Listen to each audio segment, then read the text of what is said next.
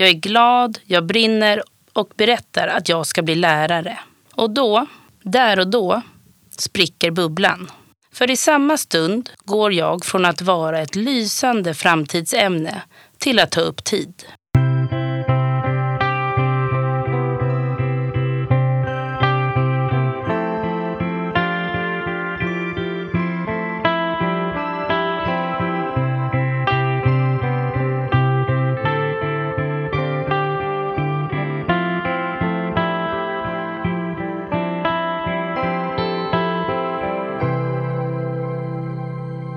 Det är början av höstterminen. Nystart, omstart och uppstart av ett nytt läsår. För att ge dig extra inspiration och motivation släpper vi på Skolprat vårt andra lärarprat. Alltså de inslag i Skolprat där vi låter lärare dela med sig av sitt liv och sina berättelser. Helena Sensén arbetar som SO-lärare, specialpedagog och arbetslagsledare på Kunskapsskolan Täby. Och du får följa med henne när hon kraschar ett bröllop, vägrar välja gymnasium, och när ett trafikljus får henne att göra ett av sitt livs viktigaste val. Och så får du veta varför hon tycker att egna upplevelser är så viktiga för att skapa sitt eget narrativ, sin egen berättelse, till exempel den om den svenska skolan. Musiken har skapats av Alexander Bergström.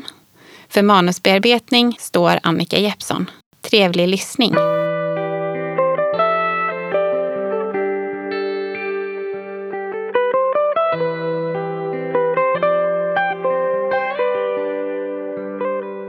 Har jag berättat för dig om hur det gick till när jag råkade krascha ett bröllop? Inte? Då ska jag ta den korta versionen. Det är sommar. Jag och min man går på en grusad gång upp mot en herrgård. Jag har högklackat, smala klackar. Och när jag ser alla festklädda bröllopsgäster på gräsmattan förbannar jag min fåfänga. Varför tog jag egentligen de här skorna? Vid en snabb scanning av de andra festdeltagarna konstaterar jag att jag inte känner en enda människa. Men om jag ska vara helt ärlig så är det inte heller något jag förväntat mig. Det är länge sedan jag och bruden träffades på daglig basis. Ett annat liv skulle man kunna säga. Klockan går och jag och min man står och kallpratar med några andra gäster i utkanten av en klunga.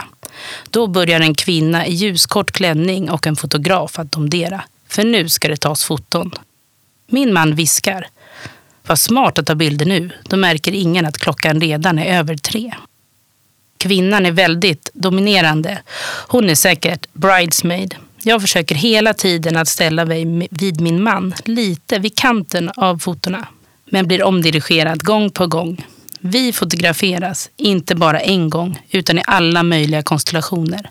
Men jag ska alltid stå på främsta raden och i mitten. Till historien hör att jag är kort, riktigt kort. Så kort att de flesta eleverna i mina klasser har vuxit om mig redan i årskurs fem. Det är därför jag har tagit på mig skor med skyhög klack. Skor som nu sjunker ner i gräsmattan så jag tvingas stå på tå. Plötsligt rullar en limousin upp över gruset framför herrgården. Alla tittar förväntansfullt mot den svarta bilen som glänser i solljuset. Här kommer de äntligen, brudparet. Nu börjar det. Men min kompis och brudgummen kliver inte ur. Kvinnan som varit så aktiv vid fotograferingen klappar händerna av förtjusning. Hon och mannen bredvid börjar diskutera vilka som ska åka med och vilka som har egna bilar. Och här någonstans faller poletten ner för mig. Det här är ingen släkting eller en bridesmaid. Detta är bruden. Med ett överdrivet stort leende på läpparna och panik artade rådjursögon letar jag efter min man. Till slut hittar jag honom längre bort på gräsmattan med några andra kostymklädda herrar. Jag drar med mig honom in bakom en husvägg. Har vi tagit fel datum? Är vi i fel stad? Vilka är de här människorna och vart är vårt bröllop? Min man bara skrattar. Och där står vi sedan och gömmer oss tills varken limousinen eller gästerna hörs.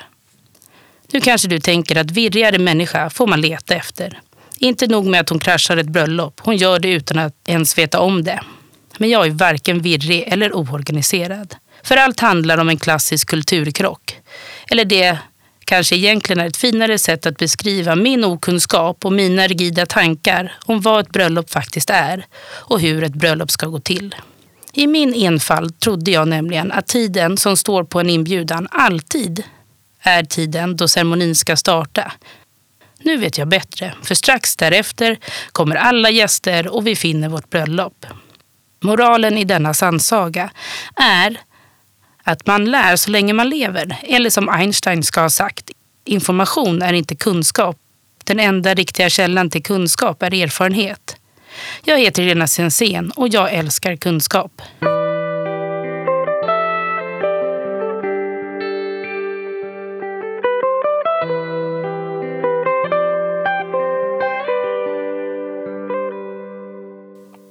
Har du någon gång varit i en avkrok i norra Stockholm som kallas Täby?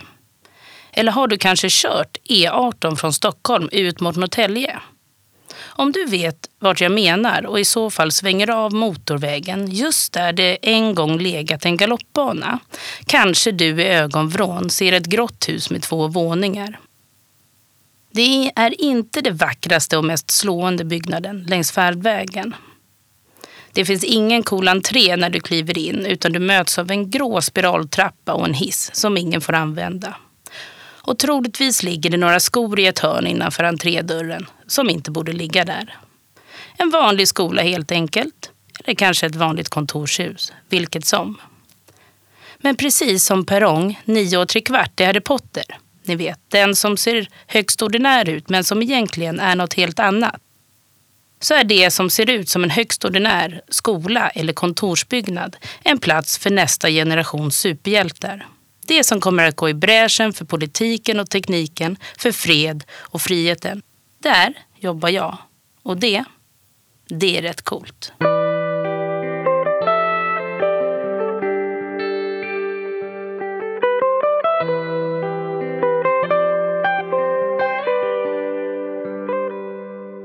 Att välja gymnasium var inget jag njöt av.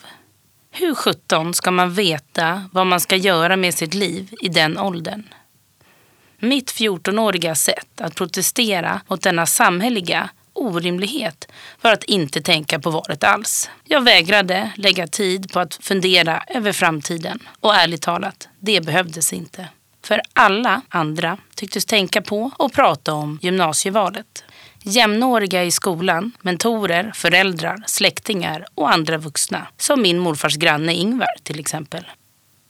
Att jag var lika oengagerad som alla andra var engagerade ledde till slut till att jag blev kallad till SYV. Kontentan av det mötet var att jag blev tvungen att välja något, vad som helst. För annars skulle porten till gymnasiet stängas för mig. Jag satt hemma med katalogen. Ja, för på min tid fick man en katalog och sedan ansökte man på nätet. I vilket fall så satt jag där, slöt ögonen, blundade, drog med tummen längs sidorna så där så att det fladdrar och så stopp.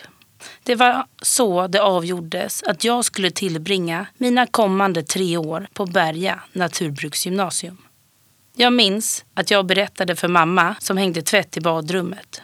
Hon såg lite tveksam ut men sa något i stil med Ja, du gillar ju djur och om det är det du vill så. Och absolut, jag menar det. Det stämde. Jag tyckte om djur och hade haft både ett marsvin, en undulat och en kanin. Till historien hör att jag är uppvuxen på Södermalm i Stockholm. Jag hade inga klasskamrater som ens bodde i en villa. Än mindre hade kor eller traktorer. När snön fortfarande ligger så händer det att jag möter elever som är helt uppe i gymnasievalet. Det är betyg, inriktningar, skola, förväntningar och planer, ofta stora planer, på hur bra livet kommer att bli om det bara blir rätt. Då brukar jag berätta historien om mitt eget gymnasieval. Gensvaret blir ofta Men Helena, så där kan man inte göra. Tänk om det hade blivit fel. Helt fel. Min respons blir då att i så fall får man väl göra om.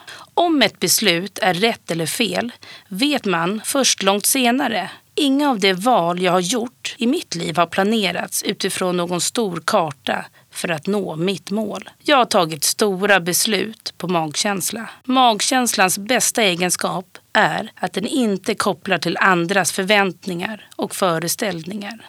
Så kan man flytta till Sydafrika på två veckor. Ja. Kan man köpa sitt första hus när man är 20 osett? Ja. Om det var rätt eller fel beslut, det är ännu inte avgjort. Men jag bor i det huset än idag.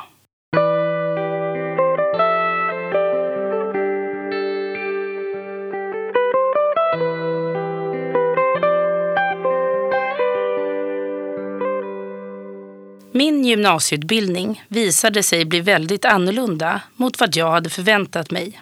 Mycket knäppare och galnare än jag någonsin kunnat förutspå. Framförallt bestod skolan till 90 procent av hästtjejer. Och just i det här fallet betydde det drama gånger tusen. Där det gällde att navigera på ett minfält av pakter, romanser och bitchblickar.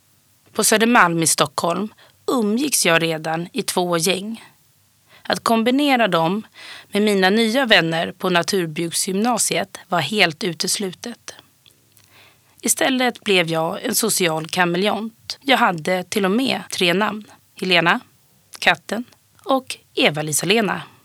Min skola var inte som de skolor som mina vänner från Söder hade. För några av dem var målet att ha en alternativ konstutställning eller hänga på privata takterrasser och dricka bubbel. Och medan denna värld pågick med mig i utkanten lärde jag mig en massa nya saker. Som att kastrera en spädgris till exempel. Eller hantera en motorsåg, svetsa och köra riktigt tunga maskiner. I skolan hade jag dessutom mycket praktik. Och tillsammans med den vän jag berättade om i början, hon som gifte sig, fick jag åka till en gård och arbeta med föl. En drömpraktik för många av mina klasskompisar. Egentligen kunde just jag inte så mycket om hästar. Men jag hade lärt mig att prata häst och svängde mig dagligen med begrepp som martigall och olika fodermärken. Precis som att värdera steget hos en travhäst. Det var social överlevnad på skolan så redan första dagen tänkte jag fake it until you make it.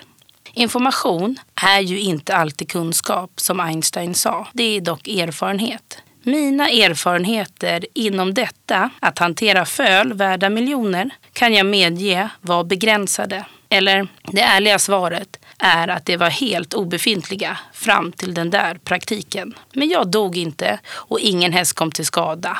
Och idag skulle jag nog inte ljuga om jag hävdade att jag har mer erfarenhet än 95 procent av Sveriges befolkning inom detta ändå ganska smala område.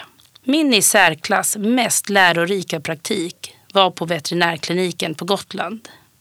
Utöver att de glömde hämta oss när vi hade anlänt till ön och att vi satt nästan ett dygn på en busshållplats så var de där veckorna fantastiska. Jag fick lära mig allt från att odla bakterier och vaccinera katter och till och med hjälpa till vid födsel av diverse olika djur. Dessutom fick jag lägga snitt, sy vid operation och möta djurägare som kom för att vaccinera sina supersöta valpar. Eller säga farväl till sina kära livskamrater. Praktik slår teori i det mesta, men framför allt i att skapa erfarenheter, alltså kunskap. Både rent praktiskt och relationellt. För vad säger man som en gymnasist till en man i 70-årsåldern när man tar emot buren med den avlidna fruns älsklingskatt och båda vet att nu är det dags. Dags för den sista vilan. Från den tiden finns det många historier att berätta och jag lärde mig en massa saker om mig själv som jag troligtvis aldrig hade lärt mig om jag inte kört tumtricket med den där gymnasiekatalogen.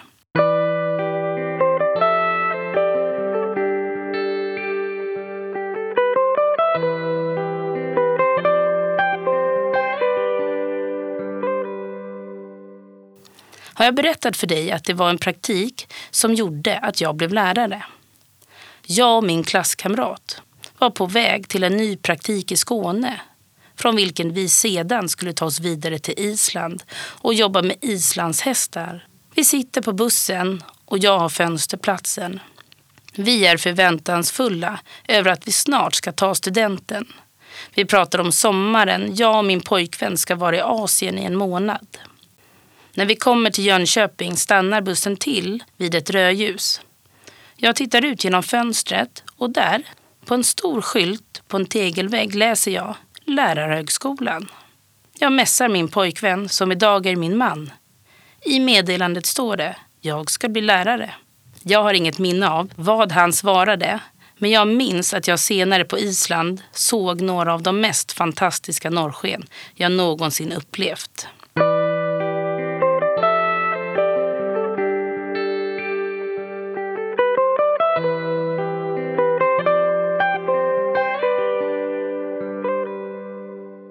Jag måste ha kommit fel.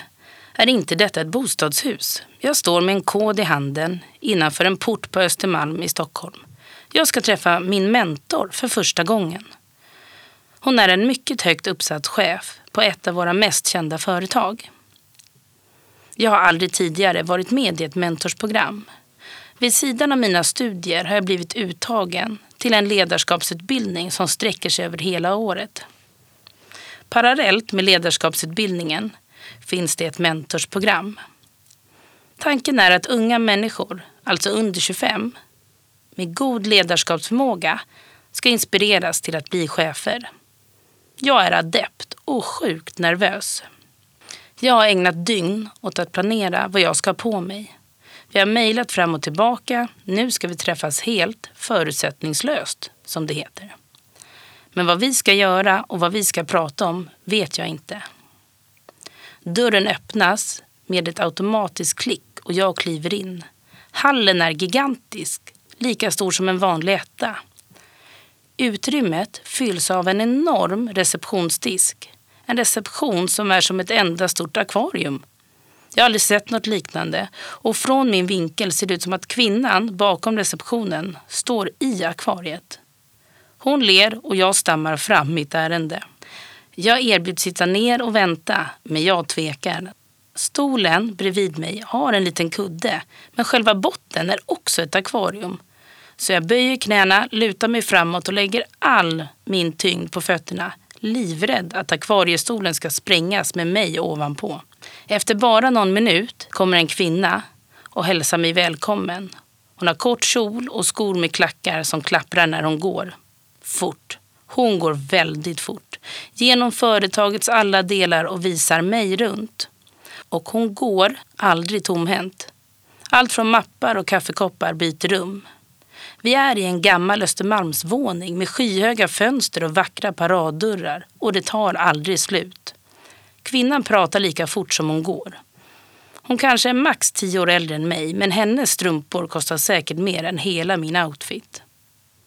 Det är dock inte henne jag ska träffa. Hon är inte min mentor utan min mentors assistent och hon gör allt. Det är med henne jag bokar kommande träffar. Det är hon som beställer luncher och dukar fram maten. Hon till och med öppnar förpackningarna. Häller upp drycken i glas och lägger servetterna till rätta. Det är som på film. WaterAid, Childhood Foundation, Rädda Barnen, Världsnaturfonden och Ecpat. Min mentor är bra på att prata. Hon berättar om sin karriär och om de organisationer hon stöttar genom sitt arbete. Hon berättar om resor och människor hon har träffat. Om hur stora företag tänker kring goodwill, val av organisationer och vilka värdegrundsmarkörer man ska titta efter. Vikten av profilering och samtidig diversifiering. Jag lär mig mycket, för jag kan inget om detta jättebolag och världsmarknadsandelar är en ny arena. Det här var långt innan metoo och min mentor varnar mig för män i höga positioner. Min mentor har kämpat för att hamna på den position hon har. Vi talar också en del om styrelsearbete. Jag sitter vid denna tidpunkt i styrelsen för Sveriges största scoutkår. I omgångar har jag suttit där, men vid denna tidpunkt är jag vice ordförande. Hon tycker att det är bra att jag har börjat sitta i styrelser så tidigt. Jag vill tala om motivation och mål, hur man får engagemang att finnas och bibehållas. Varför stannar vissa människor på samma ställe i 40 år medan andra bara är fyra?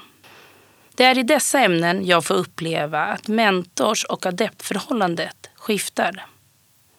Här blir det hon som frågar och jag som berättar. För i hennes värld motiveras arbetare med lön, positioner och förmåner.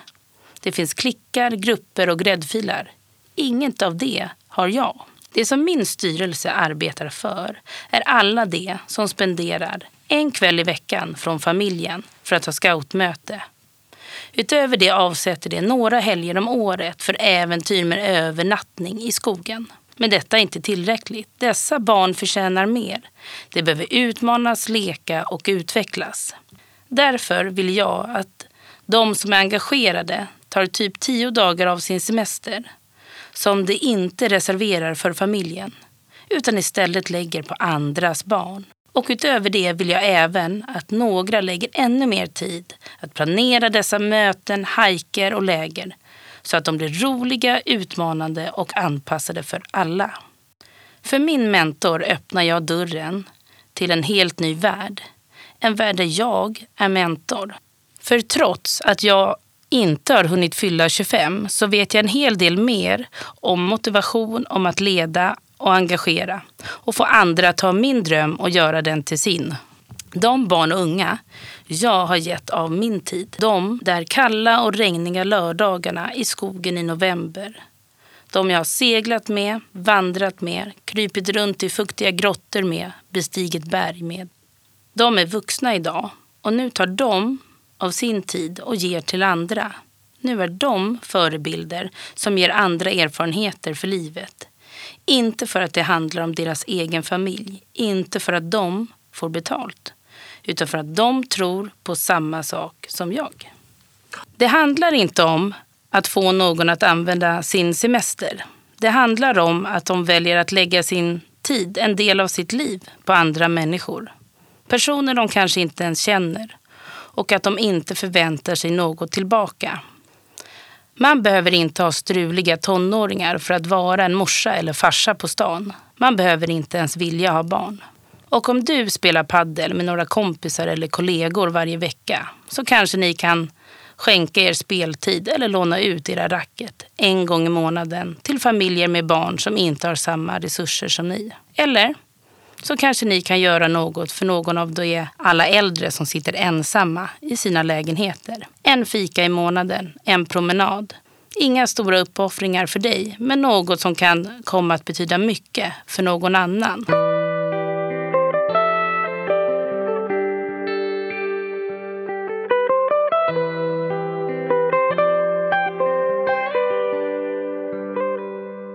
Jag och min mentor kommer från olika världar och vi använder olika verktyg för att få en verksamhet att gå framåt.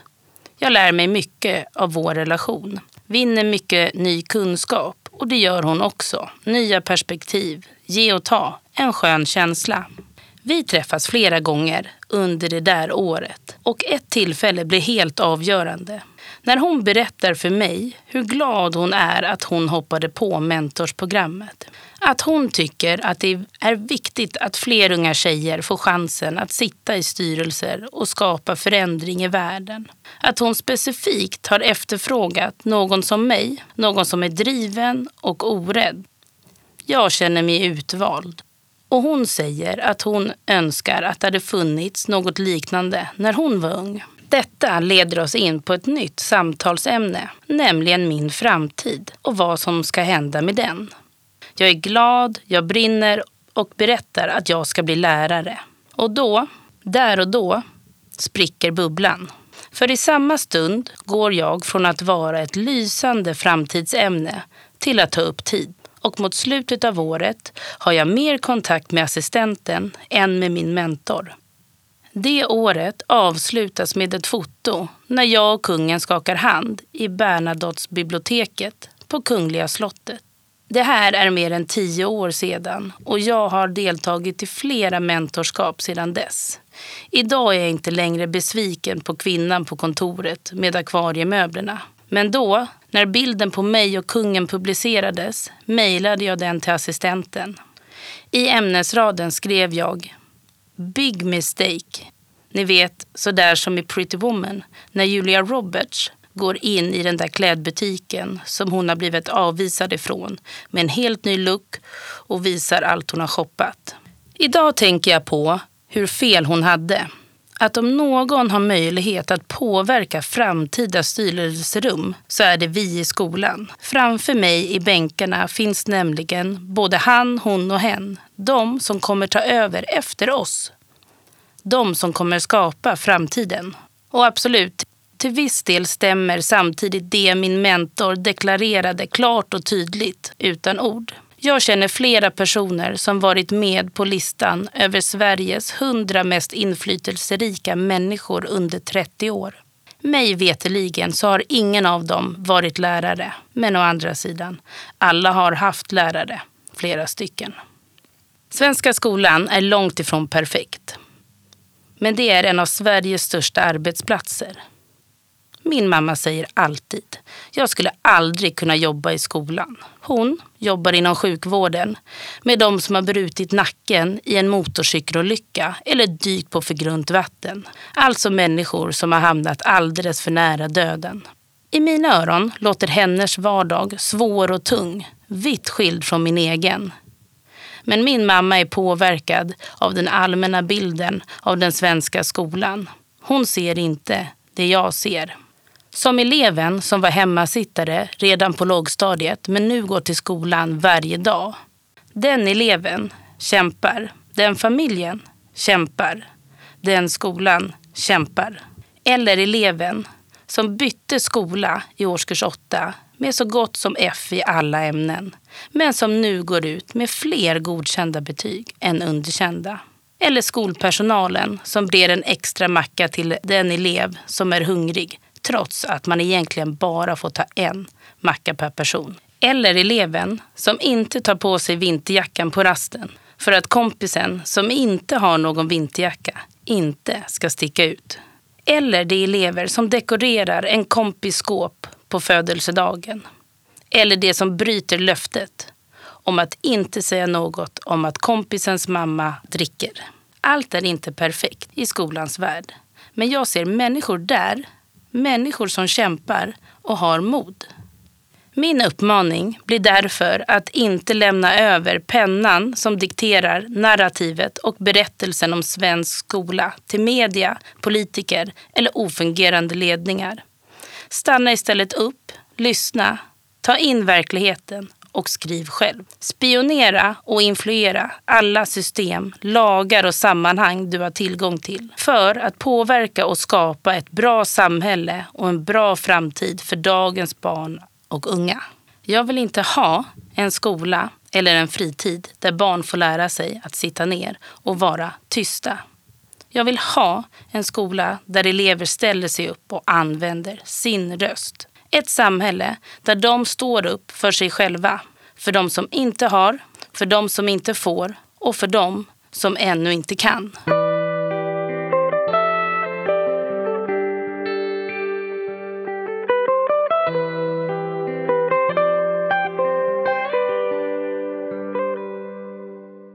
Jag vet att mitt jobb handlar om att jag ska se till att mina elever går ut med godkända betyg. Jag förstår detta samhälleliga uppdrag. Jag vet också att mitt jobb går ut på att hjälpa sätta mål. Mål som ska vara höga men nåbara. Och det är inte det att jag tror att mål och utvärdering är oviktiga pusselbitar i en utbildning. Men för mig handlar det om så mycket mer än betyg, veckomål, mittterminsinformation, bokstäver och gymnasieval. I mitt klassrum försöker jag skapa lite mer plats i nuet. Planera inte för morgondagen eller sätt mål för framtiden. Fokusera på idag. För jag vill inte att någon ska gå miste om just den här dagen. Att så som himmelen såg ut i morse kommer den aldrig att se ut igen. Att den du sa god morgon till inte är densamma ikväll. Att ingen dag i ditt liv kommer att bli som just idag. Därför vill jag som lärare, förutom att ge mina elever så mycket kunskaper att de klarar kunskapskraven, även lära dem att se den där grå vardagen för vad den är. Deras dyrbara liv. Jag vill ge dem allt det jag har fått så att deras vardag fylls av äventyr. Jag vill att de ska få känna känslan av att bestiga ett berg, att stå på en scen och blicka ut över 10 000 jublande människor. Allt det som jag fått möjligheten att göra. Kanske börjar tro på liv på andra planeter. Men inte för att de har tittat på ett klipp på Youtube, utan för att de har legat på rygg i en öken eller i ett hav och sett den riktiga Vintergatan. Har jag förresten berättat om när jag träffade flickan från Mexiko som aldrig hade sett, än mindre rört vid ett träd? Hur det ledde till att jag såg en föreläsning med Hans Rosling och ett år senare fick sitta vid samma bord som honom på en tillställning. I mitt klassrum bjuder jag på berättelser från mitt liv. Just för att vara en mänsklig förebild som gör fel, är pinsam, älskar att lära sig nya saker och som ser ljuset i den grå vardagen. Att man inte är sig själv utan skapar sig själv. Att det finns så många möjligheter även om man inte följer formulär 1A. Ja, det var väl det. Nu är det slut och jag vill tacka mig själv för att jag sa ja till att medverka i Skolprat. Jag vill tacka dig som har lyssnat för att du valde att göra det. Att du tog av din tid för att dela denna stund med mig. Och om du skulle ha bröllopsfoton med två personer som ingen i släkten kan namnge vill jag bara säga sorry. Men det var faktiskt du som ville att jag skulle stå längst fram bredvid dig på alla fotona. På återseende.